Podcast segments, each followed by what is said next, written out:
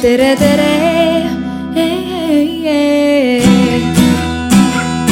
Eestimaa.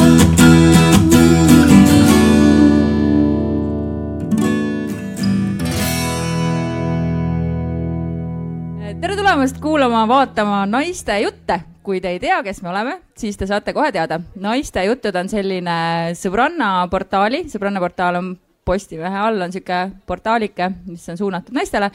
ühesõnaga, sihuke podcast on seal ehk siis taskuhääling, kus siis mina, Dagmar Lamp, tuntud ka kui Taki, juhatab äh, sellist saadet nagu Naiste jutud ja minuga on siin täna imelised, fantastilised, suurepärased inimesed Heidi Ruul tere! ja Kristiina Herodes. tere! kas te kuulete mind ka? ma küsin igaks juhuks kohe. ja tundub tundub nii? Heidiga võib natuke vist. jaa, ma just mõtlesin okei et kostab küll. okay., naised siin kurtsid enne, et, et mingid asjad on suus, üldse ei saa rääkida niimoodi, kui mingid asjad on suus ja samas me teeme kogu aeg saadet niimoodi, kui me lindistame oma saateid, siis meil on kogu aeg siuksed kõrvaklapid ja mikker on kogu aeg suus, nii et ma ei tea, millest nad räägivad.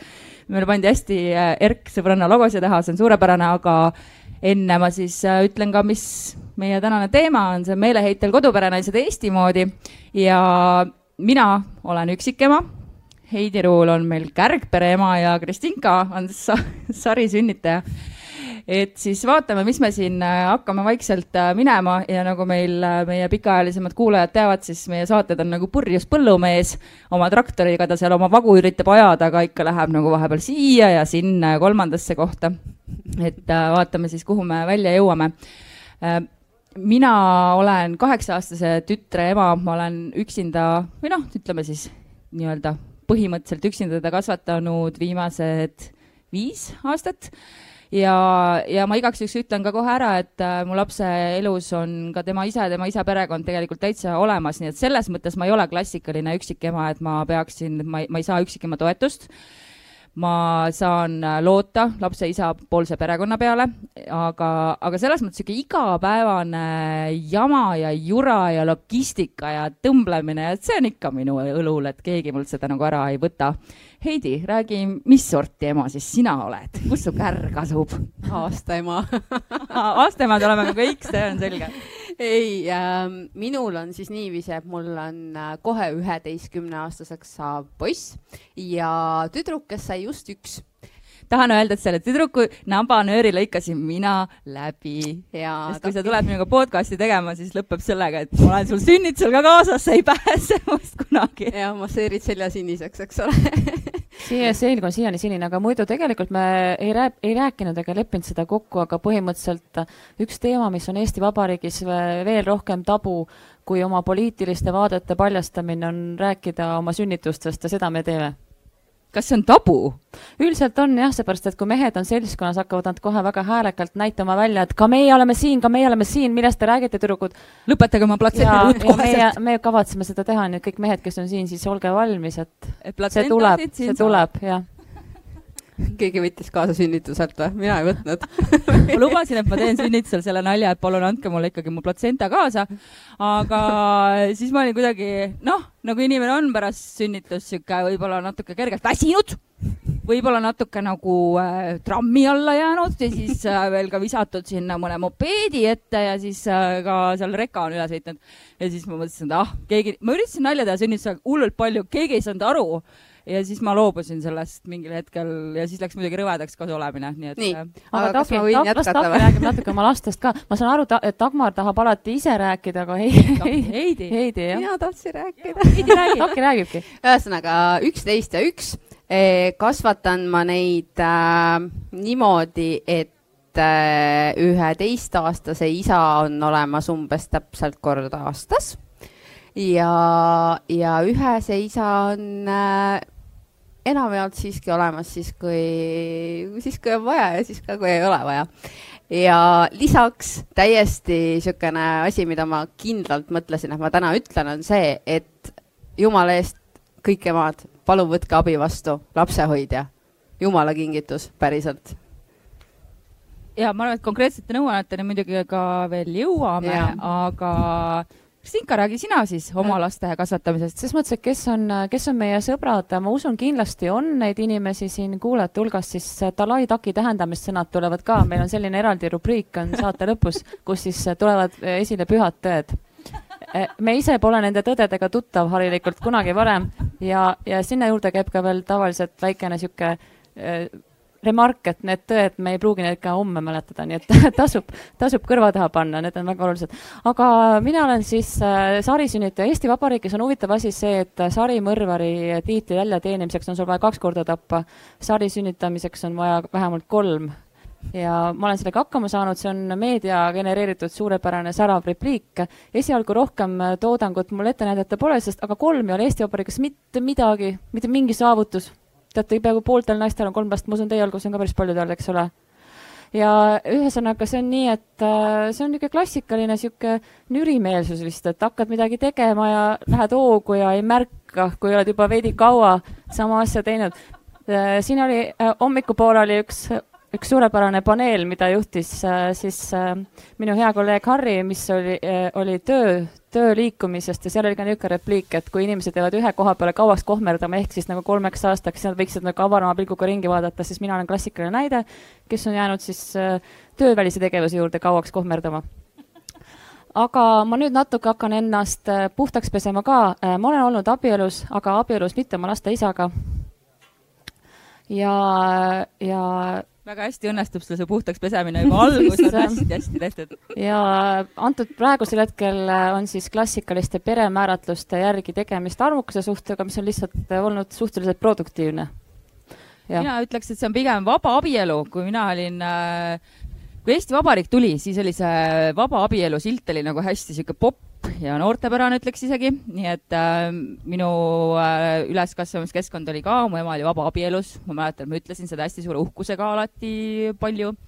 nii et äh, sa oled äh, vabaabielus, aga ma tahtsin siia öelda, et seesama, et, äh, et sa oled korra abielus olnud ja mitte oma laste isaga ja ja kui me läksime eelmine nädal äh, koju äh, Heidi äh, lapse sünnipäevalt ehk siis sellesama lapse sünnipäevalt, kes on meie podcast'i beebi siis äh, Kristinka lapsed grillisid meid päris korralikult, et kuidas ikkagi, mis asi on seks ja kuidas ikkagi siis seda meest võetakse ja siis äh, kõige noorem tüdruk küsis mult, et kas meest võetakse niimoodi et sa valid nagu kõige ilusama välja, lähed tema juurde ja ütled, et hakka mulle meheks siis me üritasime nagu rääkida, noh, et sa võid see on, seda. see on kuueaastane, kuueaastane suhteekspert on siis antud hetkel siis see kõnealune isik. just ja, ja noh, eks võib ka ju niimoodi seda teha ja, ja siis me ikkagi rääkisime pikalt ka sellest, et kas üldse peaks abielluma ja selles mõttes nad on sul ikka jah, selle kooli saanud. aga mis on hästi cool selle juures, on see Eesti Vabariigi püha tõde on juba kinnistunud minu lastesse, mul on kaks tütart, üks poeg, et meeste võtmisel aktiivsem pool on loomulikult naine, ehk äh, meie ühiskonnas patriarhaadi all me ilmselgesti ei kannata ja noh, eks sellest on jälle mingi asi, mida te muidugi kõik teate. Ma... ja kes ei ole, kes ei ole võtnud ette, siis süüdistage iseennast. Küll te siin, küll me varsti jõuame tõdemuseni, et tegelikult oli see salajälle feminismi saade, aga okei okay,, okei okay,, ma lasen praegu selle minna. Äh, seda saadet ette valmistades ma küsisin äh,, ma olen ühes naistegrupis ja ma küsisin seal äh,, viskasin küsimuse õhku, et, äh, et emad, mis on need asjad, mida te tahaksite teistele emadele öelda? Et mis on see, mis on teil hingel parasjagu, mis on Eesti ema suur mure, suur rõõm? Ja üks asi, mida ma siis tahaks teiega siin praegu arutada, on Eesti ema ja tema tööandja, et, äh, et üks äh, mu hea sõbranna kirjutas seal, kuidas tema on ikkagi kogenud seda, et hoolimata sellest, et, äh, et väga nagu ülistatakse neid isasid, kes jäävad isapuhkusele ja sa vahi, ma tunnen ka ühte meest, kes jäi isapuhkusele ükskord, kurat, ja siis tuleb keegi katsub sind niimoodi, et kas sa oled ikka päris hea, et sa ikka tunned seda inimest. aga, ja samal ajal siis naine, kes läheb väikse lapse kõrvalt või isegi siis beebi kõrvalt tööle teda vaadatakse imelikult, samas jälle tööandja võiks ju siis äh, vähemalt sellel konkreetsel inimesel oligi konkreetseid probleeme sellega, kuidas tööandja ikkagi eelistas, et äh, ei ole mingeid lapsi, tuledki tööle ja, ja ei ole, mis asja, mis ema, kelle, kellest, millest me räägime. aga, ja mina hakkasin nagu seda lugedes äh, mõtlema sellele, et äh, et minu meelest minu tööandja on hullult võitnud selle pealt, et ma olen ema ja veel üksikema, et jaa, ma pidin kui mu laps käis veel lasteaias, ma pidin töölt lahkuma poole nelja paiku, õigemini kontorist lahkuma poole nelja paiku, et jõuda Kloogale lasteaeda umbes kella neljaks aga see-eest ma tegin pärast, siis tegin umbes kella üheksani õhtul veel arvuti taga tööd ja sest et süümepiinad olid nii tugevad, ehk siis äh, ehk siis ma olen palju tublim inimene tänu sellele, et ma pean olema tubli. mul ei ole nagu valikut olla mitte tubli. Et mul oli see valik kahekümnendates, ma raiskasin päris palju oma elust ära tänu sellele, et ah, noh, mis asjagi. aga nüüd nagu ei ole seda valikut, aga sellest me rääkisime, Kristinka, sinuga ka, et et kui vähe tegelikult äh, näiteks äh, inimesed, kellel ei ole lapsi või siis me sel hetkel rääkisime meestest, kellel pole lapsi, ei saa nagu aru sellest, kui, kui tublid tegelikult emad on no ma päris hästi ei saa aru, kuhu sa sihid, et tööandja, mul läks kaks teemat läks kokku ja tööandja nagu... ja siis mehed. ühesõnaga, teeme Eesti valmis kahe lausega. et äh, kõik võib naistele ja kui naised ei tea, mida teha, siis tehke seda, mis lapsed tahavad eh, on ilmselge, et ma muidu ise seda ei usu, aga äh, kui nüüd äh, vaadata seda, et kuidas lapsed mõjutavad, siis äh, minu meelest on äh, inimesel on selline nagu hasart või kõige niisugusem ägedam asi, mida elus teha, noh, töö, tööks on ju pea, ükskõik mis pealkirjal see on, inimesi huvitab ise areneda ja teha midagi ägedat, mida sa pole varem teinud. Ja sellepärast vaata iga, iga töösuhte juures on ka selline põhiline motivatsioonipakett, mida me saame, on arenguvõimalus, proovida midagi uut, panda oma võimed proovile, laiendada oma nagu sellist mõju välja äh,, ulatada kõrgemale või kaugemale või teises suunas, siis äh, laste juurde käib selline äge asi, et äh, see on tohutu koolituspakett kõik ühes ma näen tegelikult paljudel teil on lapsed, eks ju, noogutage, te ei pea püsti tõusma tooli peale äh, mina arvan, et äh, laste, ühe väikese lapse olemasolu on äh, väga selline suur ja kallis koolitusprojekt, mida iga naine saab oma elus. seal on, esiteks on kohe, on meeskonna juhtimine, meeskonna motiveerimiskoolitus, juhtimise põhitõed, siis kuidas saada hakkama tülika kliendiga äh,. siis on, siis on ja siis on äh, noh, niisugused elementaarsed asjad nagu aja juhtimine, stressi juhtimine, mindfulnessi taastamine äh,. et äh, põhimõtteliselt kõike seda me oskame ja, ja me saame selle vasaku käega, tuleb üks selline pisike kompetentne väeks, on ju, ja me oleme jumalast profid kõiges. ja, ja see ongi nagu see kokkuhoia koht minu meelest, et miks need emad nii kunnid on, et me oleme lihtsalt kõvasti koolitust saanud Heidi, sina oled iseenda tööandja ja me rääkisime teel siia oh,, nüüd tuleb see osa saatest, kus me räägime asjadest, millest me rääkisime sõites äh, salvestusele, sõites autos salvestusele. Äh, me rääkisime autos sellest, kuidas äh, sul on niisugune igikestev ema süütunne ja mina vaevlen selle käes ka kogu aeg, et, et kuidas nagu seda, kui sa oled iseenda tööandja, kuidas sellega hakkama saada? Ma loodan, et kellelgi mune ja, ja tomateid kaasas ei ole, aga ma olen see inimene, kes äh, tegi viimase töökõne sünnitustoas enne seda, kui Taki kohale jõudis ja, ja tegi esimesed tööliigutused, ma arvan, poolteist nädalat peale sünnitust. ehk et äh, see tähendab seda, et ma olen näinud selle aasta jooksul circa üheksateist tunniseid tööpäevasi ja neid, neid nüüd küll ei ole väga palju, aga niisugune ütleme, mingi viis-kuus tundi on klassika ja selle jooksul on üsna palju ette tulnud seda, kuidas äh, minul on parasjagu veebikoosolek, kui beebi magab. ja, ja no loomulikult otsustab täpselt siis üles ärgata, eks ole ja, ja, ja siis äh, ma kuulen, et ta ärkab ja siis ma juba tunnen ennast halvasti ja siis ma juba püüan seda koosolekut kuidagi lõpetada, aga see kuidagi ei lõppe, vaid on veel teemasid, millest rääkida kõvasti ja ma tunnen, ma tunnen tõsiselt halvasti ennast selle pärast. või, või siis teine hästi klassikaline variant, mida Taki ütles ka, et tema on äh, oma elu jooksul mitu korda kogenud, on see, et sul on vaja saata hästi kiiresti nüüd kohe praegu töömeil või kirjutada valmis mingisugune lugu, mille deadline on, oli, ma ei tea, kolm päeva tagasi ja, ja siis ta seisab seal ja, ja ta nagu kuidagi üritab kätega sinu poole sirutada ja ta tahab sulle sülle ja, ja sa, sa lähed seest nagu täiesti katki sellel hetkel. aga mina olen nagu üritanud kuidagi ennast maha rahustada sellega, et, et, et ma teen sellega head eelkõige ju talle ja tema vennale, eks ole, lõppkokkuvõttes. ja teine asi on see, et äh, ma panen ennast alati enne neid selles mõttes, et kui minul on hea, siis on ka nendel hea. ja seesama, see klassikaline, kui sa sõidad äh, lennukiga ja on see ohutusnõuannete voor seal alguses, et kui sul kukub hapnikumask, siis enne pane hapnikumask endale, endale, kui sa oled teiseks, siis nagu me ka tee peal rääkisime, et enne peab su enda klaas olema täis, täis. Veel... ja siis hakkab üle ajama ja siis sellest üleajavast rõõmust sa saad kõike jagada neile, sa noh, leiad selle aja nende jaoks, eks ju, ja see aeg on selle võrra jälle nii palju parem ja kvaliteetsem ja sa veel ütlesid, et sa teed ju nüüd seda ka, et sa, kui sul on hetk, sa võtad mõlemad kaasa ja sa lähed ja teedki midagi aktiivselt. et mina nagu äh, jah, ma ei ole üldse sihuke äh, tubli, äh, ei ole olnud kunagi tubli kärutaja, ei ole olnud tubli jalutaja. Aga, aga mis me ka autos rääkisime, et et minu jaoks on, lõppeks on oluline see, et mu laps näeb seda, et see on normaalne, et ema töötab ja ma ei taha siin kuidagi öelda, et oleks äh, teised viisid ema olla. Vale, lihtsalt äh, mulle meeldib, kui minu laps kasvab üles nähes, et mina töötan. et ta näeb, et see, mis meil kõik äh, majja tuleb, on to toodud mingi vaevaga. Ja kuigi ta ei saa täpselt aru, mis see on, mis ma teen, kuigi noh, mis, mis ma siis teen, ma ise ka täpselt ei tea, mis ma teen krõbistab aga... arvuti taga midagi. krõbistan arvuti taga midagi, jah. Scroll ib. jah, scroll in ja, ja olen kirjanik, see on see, mis ta alati lasteaias pani, et mis ema teeb, ta on kirjanik. nii et, äh, et mulle nagu meeldib, et ma saan näidata seda iseseisvuspoolt, eriti arvestades, et mul on võimalik teha vahepeal oma tööd ka kodust. et, ähm, et see on nagu sihuke ja samas ma olen saanud aru, et see on nagu hästi-hästi suur äh, boonus, et see on asi, mida väga paljudel Eesti naistel ei ole võimalik äh, teha ja et selles mõttes mul on nagu hullult, hullult vedanud.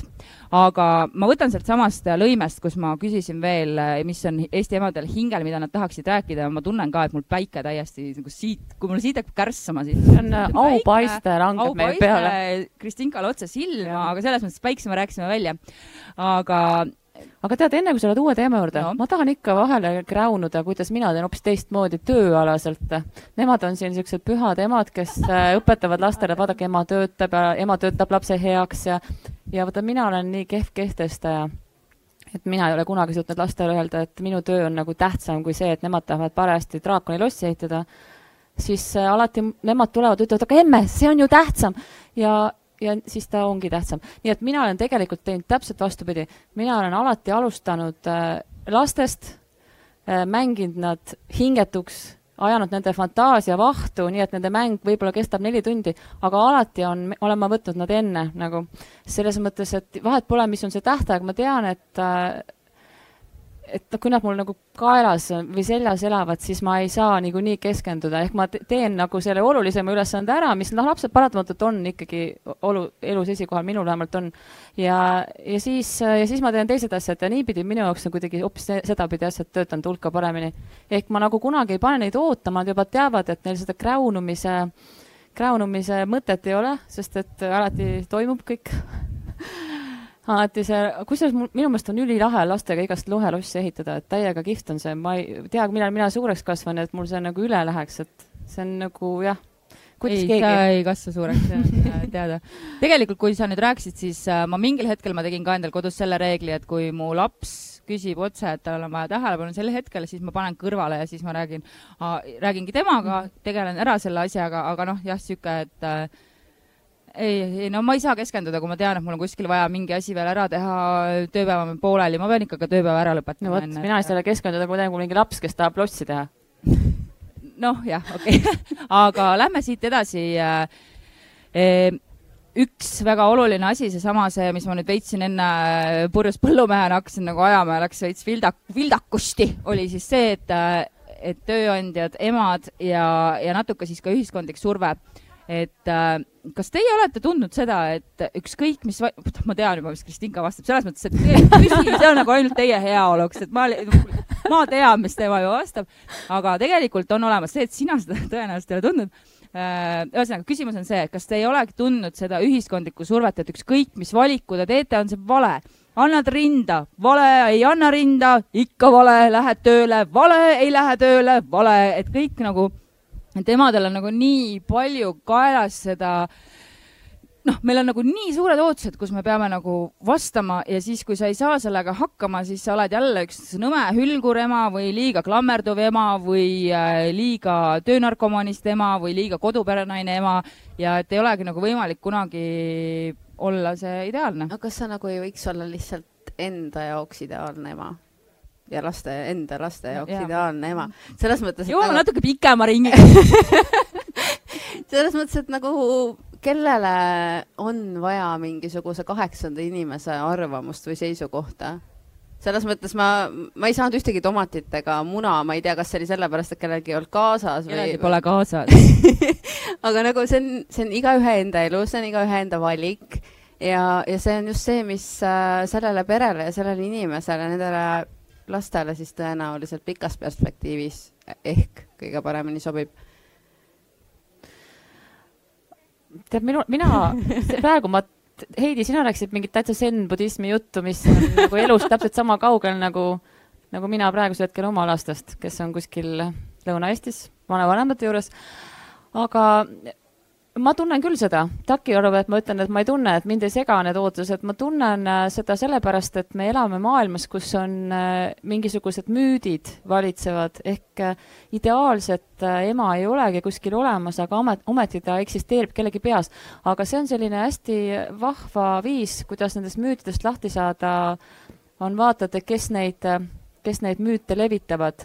Need on tavaliselt näiteks Arteris oli meil suurepärane persoonilugu ükskord inimesega, kes on kasvat-, kasvatusteadlane, kes oli ekspert igas küsimuses äh, ja kes täpselt teadis, kuidas tuleb ema olla, kuidas tuleb lastega suhelda, kuidas tuleb kõiki asju teha, probleeme lahendada. Äh, Te saate aru, kuhu ma tüürin, eks ilmselgelt ei olnud tegemist inimesega, kellel oleks lapsi ja, ja need eksperdid ja müüdiloome on ka, me võlgneme inimestele, kellel ei ole lapsi, sest et äh, reaalsus või see illusioon lakkab sellel hetkel, kui sa seisad silmsitsi reaalsusega. me ei räägi ainult lastest tegelikult, teine koht, kus on minu meelest haigelt palju müüte, on suhted, olete nõus minuga? see armusuhe, tulevad inimesed, mõistavad üksteist poolelt sõnalt. hinges sugulane. ja kõik on mingi uina-muina ja nii kui sa, eh, see, see kõik on võimalik, kui teil on armastusromaane kirjad huviga saadete ja kohtate paar korda kuskil kuuvalgel ööl või nagu seal rehepapis või kuskil seal poriloigus, eks ju, ja ühesõnaga, see on kõik võimalik, kui te kokku ei saa. kuni ei ole reaalsust, on kõik see müüdiloome väga okei okay,, et toita toita seda tühimikku oma elust mõttetu juraga aga, aga mina arvan, et äh, see reaalsus on tegelikult lahe just selles ebatäiuslikkuses, seepärast et samamoodi nagu mina armun alati ära inimeste ebatäiuslikkusesse ehk sellesse, kui kui kohtlased ja kohmakad ja naljakad ja veidrad nad on, siis armastavad lapsed ka oma emasid sellepärast, kui totud nad on. ja minu enda lapsed ütlevad äh, vahest ka niimoodi, et issand, mul, mul niisugust väga head repliiki praegu pähe ei tule, aga sisu on põhimõtteliselt selles, et äh, neil ei ole selle vastu midagi, et nende ema on veits napakas, kuni ta on rõõmus. no sa muidugi oledki kõige toitu me tegelikult rääkisime Heidiga sellest ka, et mingil hetkel lastel tekib ikkagi see, et äh, nad on emme, miks sa pead olema siukene miks sa teed kogu aeg siukest nalja? ära tee nalja nii palju. see ei ole naljakas. millal see tuleb? minu lapsed on vanemad ju. no just, ju siis töötab see lossi ehitamine paremini. aga see müütidega võitlemine, see on veits sihuke Don Quixotelik, käid ja vehid äh, oma tuuleveskeid ja, ja lõpuks, kes siis sellest ikkagi võidab, et äh, noh, keegi vist ei võida eriti.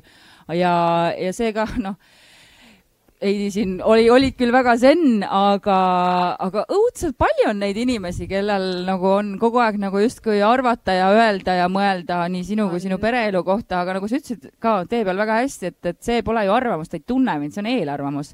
ja see ongi, aga selles mõttes ma elan ka väikses kohas, Klogal elab tuhat inimest võib-olla, ma arvan. seda on üsna palju juba. no jaa, aga no tead, kui sa oled nii kuulus kui mina, siis katsu ise elada nii väikses kohas aga et noh, ühesõnaga ma vahel nagu kuulen, kuidas meil seal Kloksis ka ikka jälle keegi kuskil mingit nagu draamat tõmbab ja mingi asi käib ja siis ja siis noh, ja siis ma olen siuke nagu omast arust nagu siuke zen seal keskel ja et ei lähe nagu kaasa millegagi.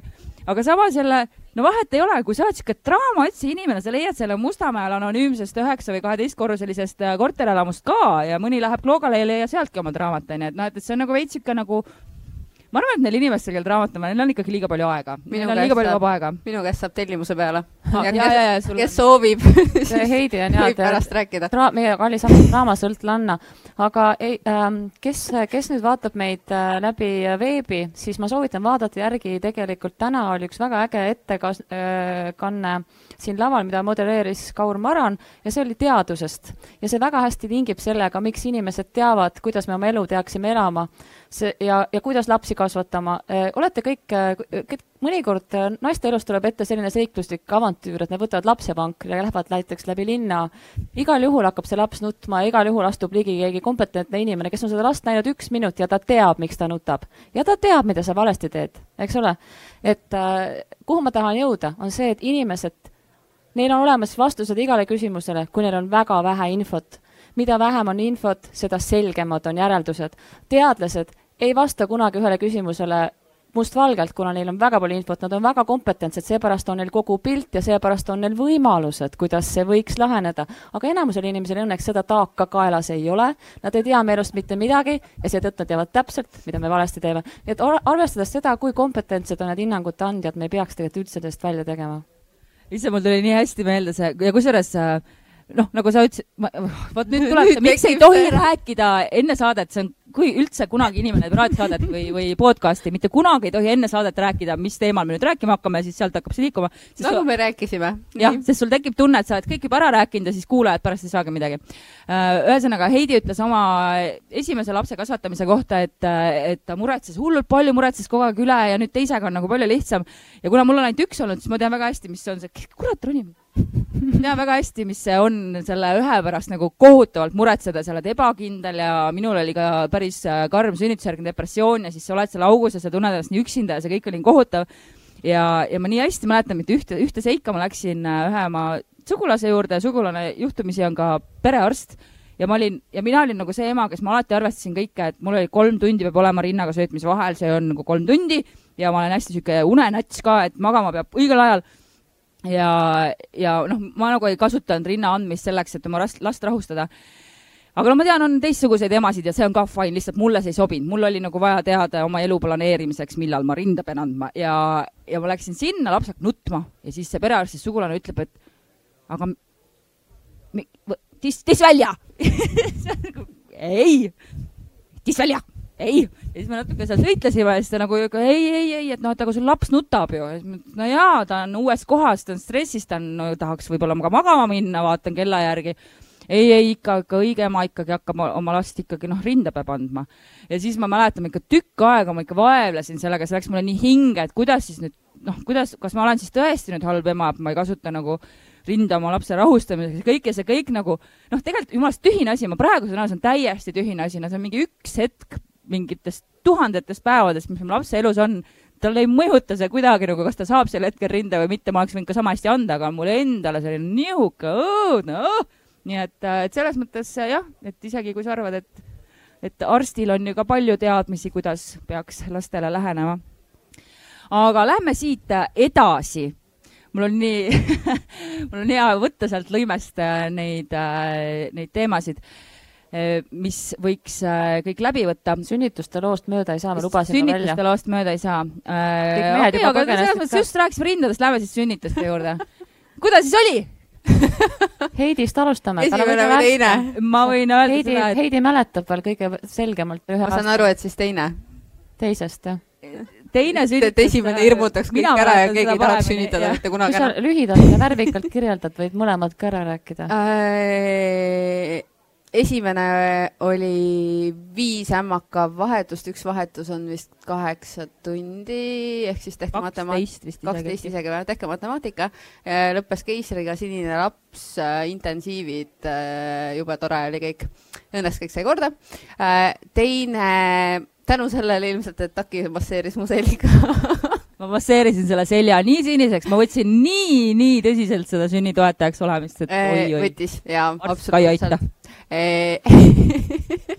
Te, teie suhe on väga puhtprofessionaalne, nagu on, ikka Eesti naistel tavaks. teisega läks, äh, ma arvan, mingi kuus tundi äkki haiglas, umbes täpselt. jaa, kell kaksteist olin seal, kell kuus oli laps väljas. jah, ja seal vahepeale mahtus meil mõned äh, ööliblikad või vot mis liblikad meil olid seal ööliblikad, äikesetorm, hästi palju hästi kurja muusikat äh,, välismaalasest äh, mingisugune ukrainlanna. ukrainlanna, kes harjutas alles ämmakaks olemist ja. siis vahepeal, kuna mul oli just äh, avastatud, et mul on kõrge vererõhk ja Heidi ah,. ja vahepeal raviti takit. ja, ja siis, äh, siis ma, kuulge, aga te siin mõõdate teid, aga mõõtke mul ka. ja siis tuli välja, et mul ongi, see eelmine aasta, ma mäletan, augustikuul oli kohutavalt palav ja siis mul oligi vererõhk oli mingi sada nelikümmend, sada vist oli siis nad andsid mulle seal nitroglütseriini. ja, ja, ja siis sa üritasid mind tund aega veenda, et kohe on kõik sa olid klassik-. see ongi võrreldes teise sünnitusosaga ongi see kõik või kohe no,. täiesti tasemel nagu isad ikka, kas sa minestasid ka selle sünnituse käigus või isad kipuvad seda ka tegema?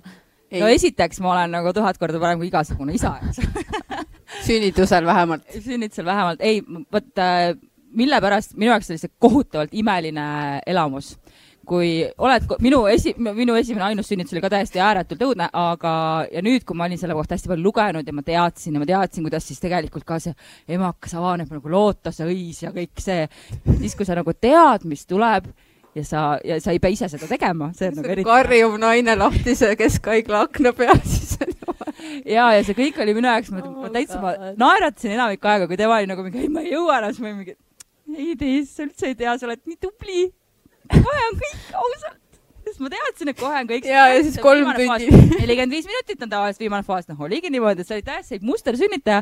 ja mis ma teadsin. mis asi on, mis asi on nelikümmend viis minutit, küsin mina, kellel on vähe kogemust.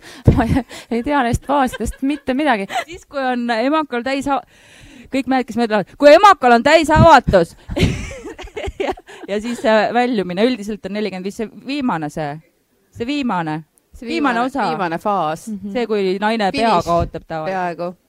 jah, finiši osa on see. see osa, kus ära tahad joosta ja mingi mõni teine päev jätkata nii et ühesõnaga, et see, olla seal kõrval ja näha, kuidas tegelikult naine on võimeline täiesti pöörasteks asjadeks ja, ja pealtnäha mängleva kergusega, mis siis, et ta ise et tegelikult see oli, noh, sa tegid ju absoluutselt ilma igasuguste tuimestusteta, kõigeta, nii et äh, jällegi mina olen kasutanud kõiki tuimestusvahendeid ja värke, nii et äh, see, ärge nüüd võtke ka nii, et sünnitate teistmoodi on kuidagi halvasti. kuidas iganes sünnitate, kõik on väga hästi. nii, sinu sünnituslood siis, kah letti? ma räägin lühidalt, sest et mul on ikkagi kolm äh, lugu, et muidu võiksime selle, võiksime selle poe kinni panna ja, ja viimased mehed siis äh, ka pikali rääkida.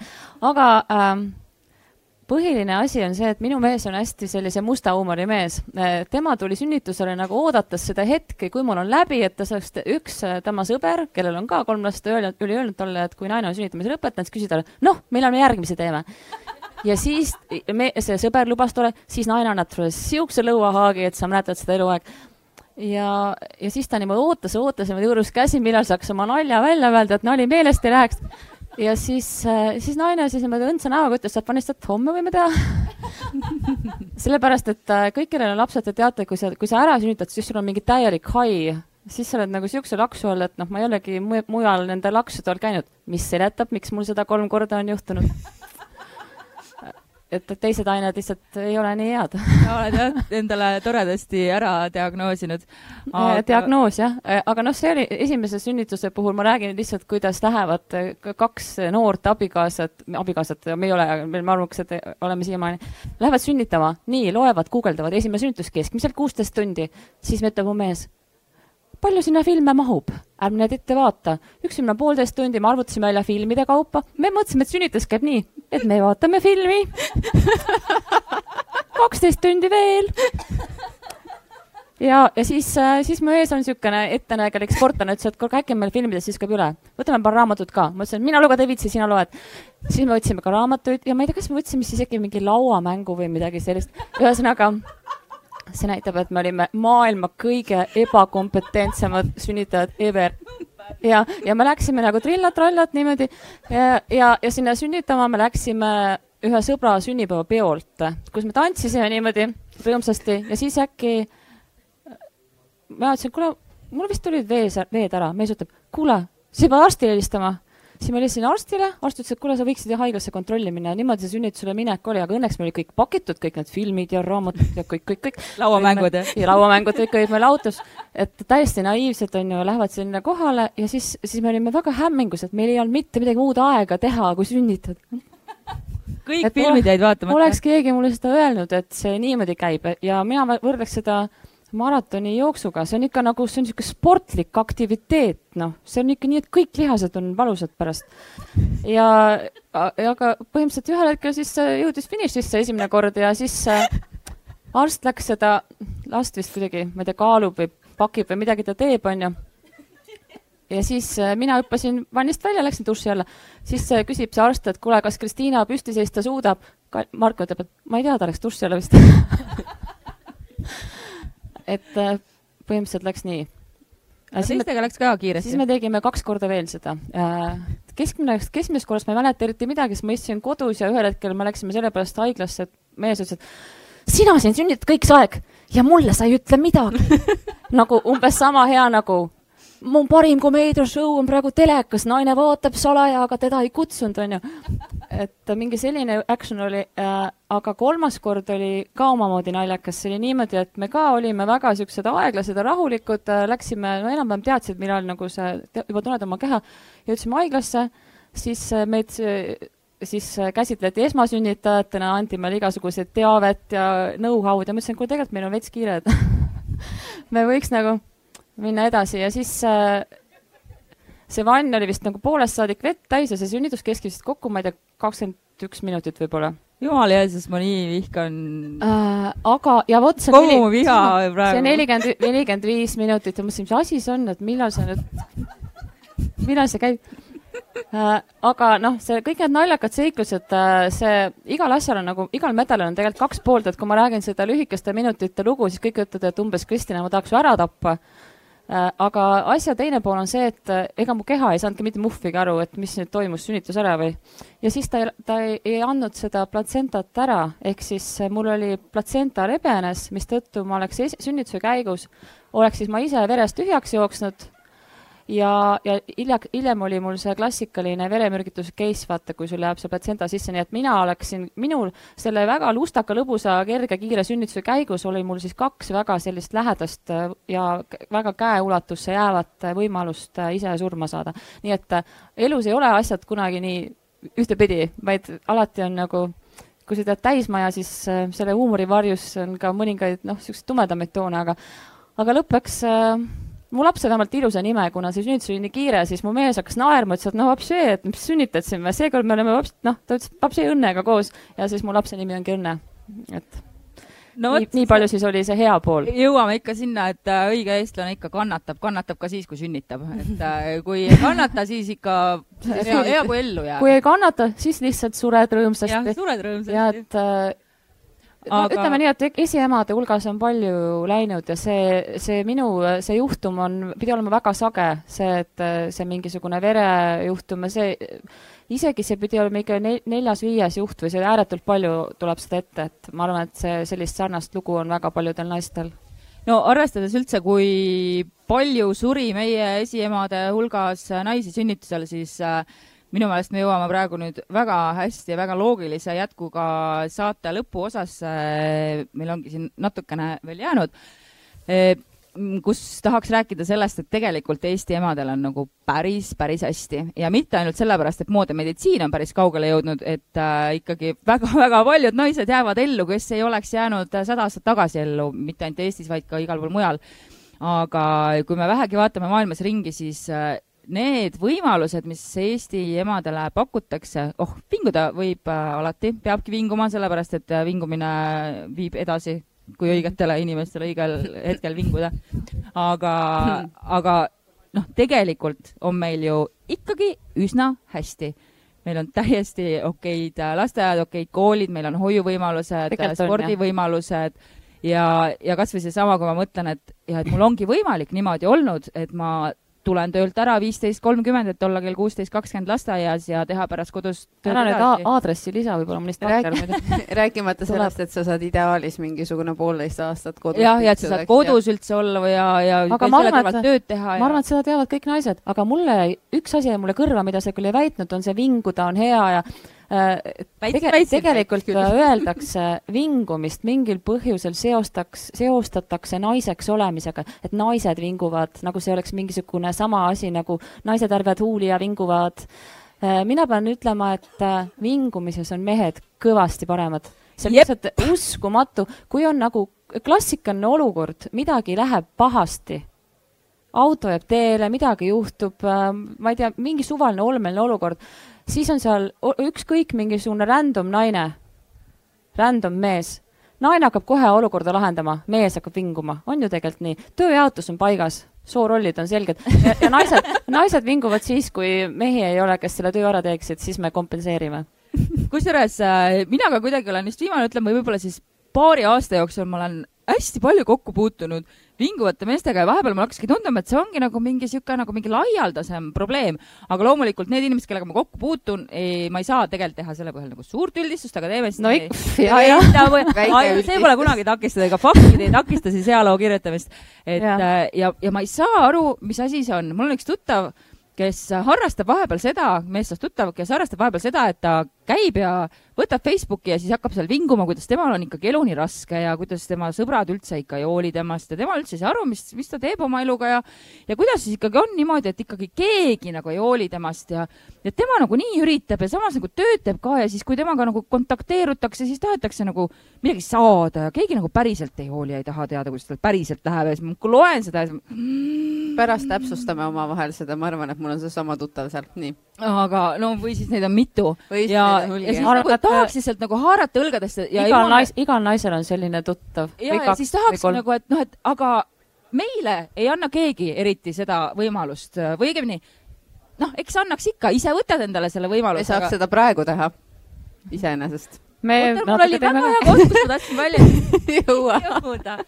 et jällegi seesama, et aga jah, ma pean ka siit, ma ei tea, tulen mingi autoga, mis hea, et tee peal ära ei lagune, kuidagi pean kuhugi lapse ära organiseerima, et saaks Arvamusfestivalile tulla, siis pean tagasi minema lapse korjama, siis me oleme kodukohvikud, pean kuidagi organiseerima selle, et äh, Miila saaks teha oma kohvikukese, sest et see on talle väga oluline ja kõike seda ma teen üksinda siis sealt kõrvalt veel tööd ja siis seda ja teist ja kolmandat ja neljandat. ma võiks ka siis ju vinguda, et ükski sõber ei helista ja küsi, et kuidas sul läheb ja mis sa nagu tegelikult mõtled, aga no kurat, noh, ma pean elama, mul on nagu päriselt vaja nagu elu, elu nagu, eluga tegeleda, et mul ei ole nagu seda võimalust istuda ja mõtiskleda, et. aga proovi postita. ei, ma ei taha, mulle, me, praegu... mulle meeldib olla see action mutt. ei, aga tead, aga praegu oma elu, mitte et... me jõuame jälle sellesse samasse punkti, et äh, see laste omamine on ju suurepärane koolitus. sellepärast, et ma ütlen, seda, seda tõde teavad ka mehed, kes oma lastega tegelevad. meeste hulgas on väga palju neid, kellele väga meeldib nagu ja see mees on konkreetselt lastega. väiksest peale äh, lastega jännata. see on seesama, see koht, kus, et äh, ta, äh, palun pakkige välja toidumoon ja pange laste suhu, kui õige kellaaeg on ju. siis äh, vingumine on, äh, kes on lastega kokku puutunud, beebidega? probleem number üks ei ole tühi kõht ega uni, vaid tal on igav ja ta vingub, et sisustada igavust ja see inimene täpselt samamoodi ja täiskasvanud täpselt samamoodi, et see vingumine, nutt ja haala täidab äh, sisutut aega, et kui me peaksime võitlema mingi oma ellujäämise eest, siis mitte keegi ei vinguks. ja kui olud lähevad raskemaks, siis inimesel, inimestel kaob ka vingujaks ära ja nad lähevad tegelikult palju solidaarsemaks, sõbralikumaks ja inimesena natukene ägedamaks isegi. et võib-olla meie elu on lihtsalt liiga hea, aga see on täpselt see asi, et võib-olla see mees, kes parasjagu seda vingumist harrastab, tal näiteks ei ole seda kokku kokkupuudet väikeste laste pealt, ta pole seda koolitust saanud niimoodi otse elust. et um, ütleme nii, et lihtsalt see, et ongi aega liiga emadel, emadel on kerge, jah. emadel on kerge ja, elu on kogu aeg täidetud, pole üldse küsimustki. kõik on jumala hästi ju. kõik on jumala hästi. kogu aeg äh, me oleme jõudnud umbes sinna kohta, kus me tavaliselt saate lõpetame ära, kuna meil äh, mõtlesime, et teeme siis sel korral niimoodi, et äh, laseme sel kaameral käia ja laseme teil küsida küsimusi, kui te seda soovite ja jätame selle saatesse sisse. jah jah, noh, okei okay,, võib-olla ma keegi ei küsi, siis lõikan ära, siis teeme näo, et nii palju küsiti, et liiga pikaks. Läks nii et äh, kui kellelgi on küsimusi meile, siis äh, ma tulen ja annan mikrofoni ja, ja seda saab äh, teha. Te võite tulla meie juurde siia ka, et ei, ma lähen sinna, inimesed Päike- ei, ei ole niisugused tähelepanuhullud nagu meie. Kas kellelgi on küsimusi või äkki tahab jagada mõnda lugu? näe, meie, meie operaator Madis jõudis, ta oli nii mures, et me ei tervita teda.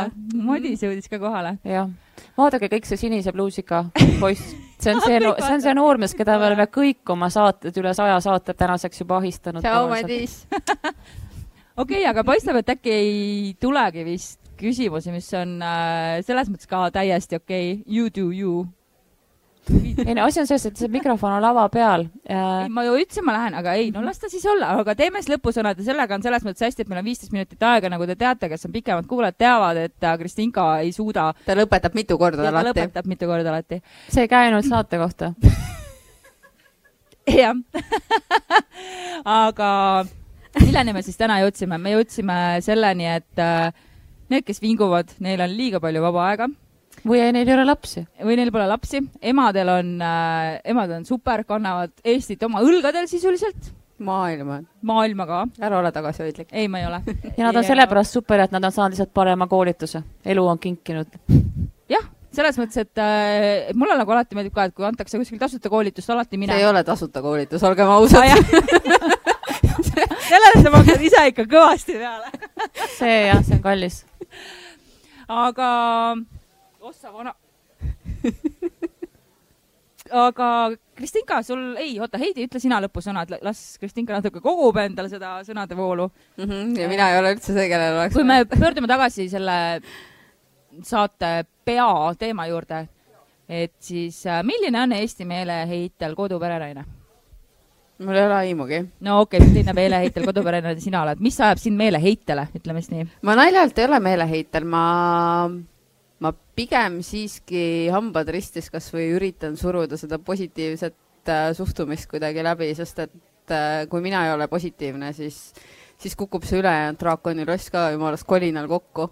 mul kusjuures praegu nüüd meenus, et mul oli endal üks oluline teema, mis ma tahtsin veel rääkida, vaatame, kas, kui palju me jõuame. et äh, ma vaatasin ühte TED Talki, mis oli teemal äh, emade üksindus ja, ja tegelikult ma arvan, et see on lisaks sellele, et meil on Eestis tõesti väga hea emadel, on tegelikult hästi paljud emad üksinda ja see on probleem ja ja no vot, see on juba sihuke omaette saate teema võib-olla, aga mina olen seda ka tundnud, just seesama see, et sa lükkad oma hambad risti ja ajadki kõik läbi omal jõul, kulmude peal, ninast veri väljas, ikka, ikka ise saaks kõik ise. ja mis siis, võtadki võib-olla abi vastu ja kõik see, aga sa oled võib-olla mingil hetkel hästi-hästi üksinda ja seda on nagu väga raske sõnastada ja, ja seda on nagu väga raske on ka sellega nagu võidelda või nagu, mitte võidelda, vaid nagu leida sealt äh, üksindusest väljapääs. Ja mida me siin nalja viskasime enne, jõime väikse Prošekokese enne saadet ja, ja Heidi küsis, et kas me võime veini ka mainida saates, ma ütlesin, et noh, et et tegelikult see veini olulisus ema jaoks on võib-olla mitte nagu alkohol ise, vaid see, et sul on see, sul on need oma naiste jutud, sul on see naiste kamp, kellega sa saad olla, kellele sa saad kurta, et äh, või kasvõi tõesti selle vingumise ära teha korra päevaks, päevas, lasta ventiili lõdvaks või mis see sõna on, ventiil, noh, lahti. lahti, jah. ja, ja vot see on nagu see, mitte see, et sa eh, nina viltu tõmbad, täis ennast jood, vaid see, et sul on, on see väike tugigrupp või suurem tugi, tugigrupp, aga vot just see peab olema igasugusel emal, üldse ime- inimesel üldse, aga emal eriti. Ja aga sa ise ju lood selle selles mõttes. sa ei saa nagu jah, aga kui me kogu aeg rõhutame, kui oluline on ise hakkama saada, siis tuleb seal kõrval ka rõhutada, et on oluline ka see, et sa ei ole tegelikult päris üksinda. jah, et ära lase minna endal sinna või kui sa oled seal, siis kuidagi saada mingi signaal välja, mingi bad signal. jah, see on õige mõte. Aga ma tahaks selle meeleheitme juurde tagasi tulla, et äh, tule, tule. meeleheitel koduperenaised, ma arvan, et Eestis on see üks väga väljasurev liik või siis väga haruldane taim naiste hulgas, sellepärast et meeleheitmine nagu meelelahutusvorm või spordiala või midagi sellist, kõik me naised teame, et see on tegelikult manipulatiivne taktika, see on võrreldav sellele, kui laps kukub poriloiku, vaatab sinule, kas ema on lähedal, onju, aga ema ei märka, tuleb ta püsti, vaarpõlved puhtaks, läheb edasi, tegelikult on ju nii et äh, häda toimub lapsel siis, kui häda väljanäitamise abil on võimalik midagi saavutada. meeleheitmine on täpselt sama kasutu, meil on oma meelt hiljem ka vaja, mis me ikka pillume seda siia ja sinna. kui mõni mees on lähedal, kellele see mõjub, siis heidame veidikene, onju. aga Mul, kui, kui ei ole, siis ei minu... ole sellest väga mõtet aega raisata. üks minu peatoimetajatest ikka harrastas äh, sellist lauset, et ei tasu kaotada meeleheidet ei, ei tasu kaotada e,. olgu, kas me nüüd tõmbame joone alla või? otsad ikka ei lõpetagi mitu korda. aga olgu, tõmbame siis joone alla, Madis korra käis, läks minema, aga mis sellest ikka saame ka ilma Madiseta tõmmata joone alla. Äh, mina olen Dagmar Takilamp, mind leiab Instagramist Instataki nime alt. Heidi Ruuli leiab äh, Hurricane Heidi või siis Heidi Ruuli nimega Instagramist otsides Kristinka on Kristina Herodes ühe i-ga ja Postimehes Arterit lugege. seda ma ei tea, mis tema teeb see lihtsalt tuli kaasa. lihtsalt tolgendab? tolgendab kogu aeg kaasas meil juba kolmandat aastat. ma ei tea, miks. jah, kolmandat aastat oleme Arvamusfestivali naiste juttudega ja mina olen äh, Postimehes Võranna, ma teen päris paljusid asju. mul on ka uus raamat väljas, Ü nagu üksikema, mida võite poodidest leida ja kuulake naistejutte, naistejutud on olemas igas äh, teie podcasti äpis või ka siis naistejutud.sõbranna.ee ja ka SoundCloudis ja iTunesis ja igal pool. lugege Postimehe Arterit, äh, lugege Postimeest ja ärge kaotage meeleheidet. aitäh teile ja teeme nüüd tšau. tšau.